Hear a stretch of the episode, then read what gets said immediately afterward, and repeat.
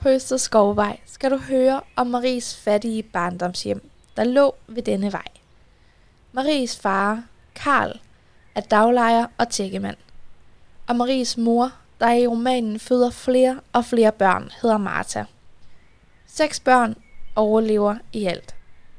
Du kan i bogen læse, at familien boede i et husmandssted her på Østerskovvej. Et hvidt hus med stakit omkring. Nødetræer foran huset og pæretræer i baghaven. Jorden kunne de ikke leve af. Der var bare lidt have omkring huset. Husmandsstedet har været lidt faldefærdigt her i det bølgende landskab, der bliver vagt til live i romanen.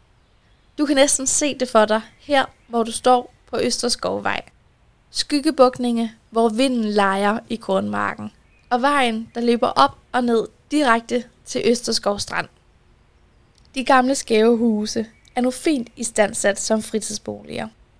Og nord for Østerskov er der i dag sommerhusområdet Bukkemose. Indtil 1950'erne var det små landbrug, husmandssteder, marker og natur. For efter at Marie forlod sit barndomshjem her i Østerskov, nåede fænomenet fritid også til Langeland. I årene med økonomisk vækst omkring 1960'erne blev nye store sommerhusområder udstykket på Langeland.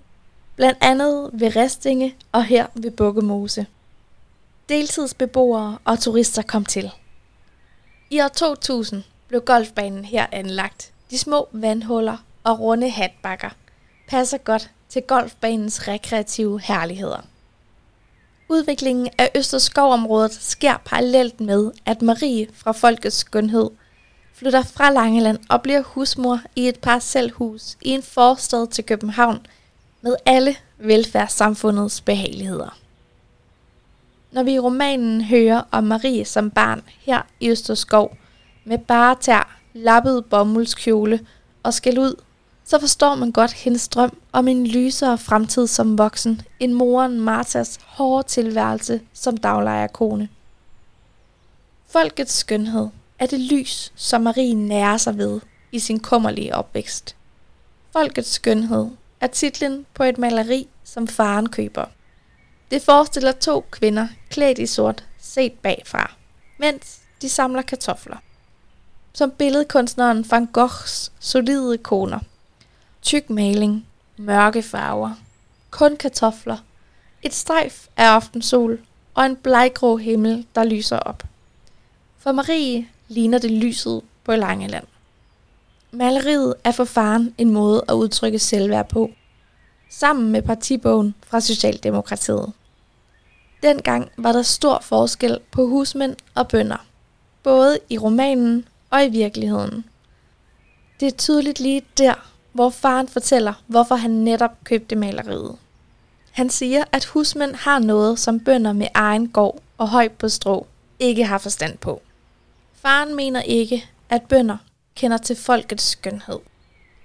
Mellem linjerne kan vi læse, at faren mener, at det kun er arbejderne, der forstår folkets skønhed. Og så kan faren nok også godt lide motivet, fordi kvinderne på billedet går og bukker sig med enden i vejret. Mor Martha synes godt nok, at det virker lidt uanstændigt. Og Maries fine mormor med kniblingshandsker og uknækket negle synes, at maleriet er sjofel. Opskønt kalder hun det. Marie drømmer om et andet liv. Virkelighedens Østerskov var i 1930'erne også præget af de små husmandsbrug, der lige netop var for små til, at man kunne leve af det. Kystfiskeri ved Østerskov var ikke bare en fritidsfornøjelse, men også en nødvendighed. Østerskov var små gårde, der omkring år 1800 var flyttet ud fra Trykkelev, og samtidig blev de små husmandsbrug også opført her. Og som så mange andre steder i Danmark, med lige netop ingen jord, for lidt jord eller for dårlig jord til at husmændene kunne leve af det. For bønder og godsejere havde jo brug for daglejere. Mens du om lidt går videre mod vest af Østerskovvej, kan du se de gamle husmandssteder og små trællingede gårde, der ligger parallelt med vejen. Næste fortællested finder du ved Østerskovvej 21. Fra 1867 til 1954 var det Østerskov skole. Og det er her, du skal starte næste afsnit, hvis du hører podcasten på gå- eller cykeltur. Husk at holde høflig afstand til Østerskov skole, for i dag er det en privat bolig.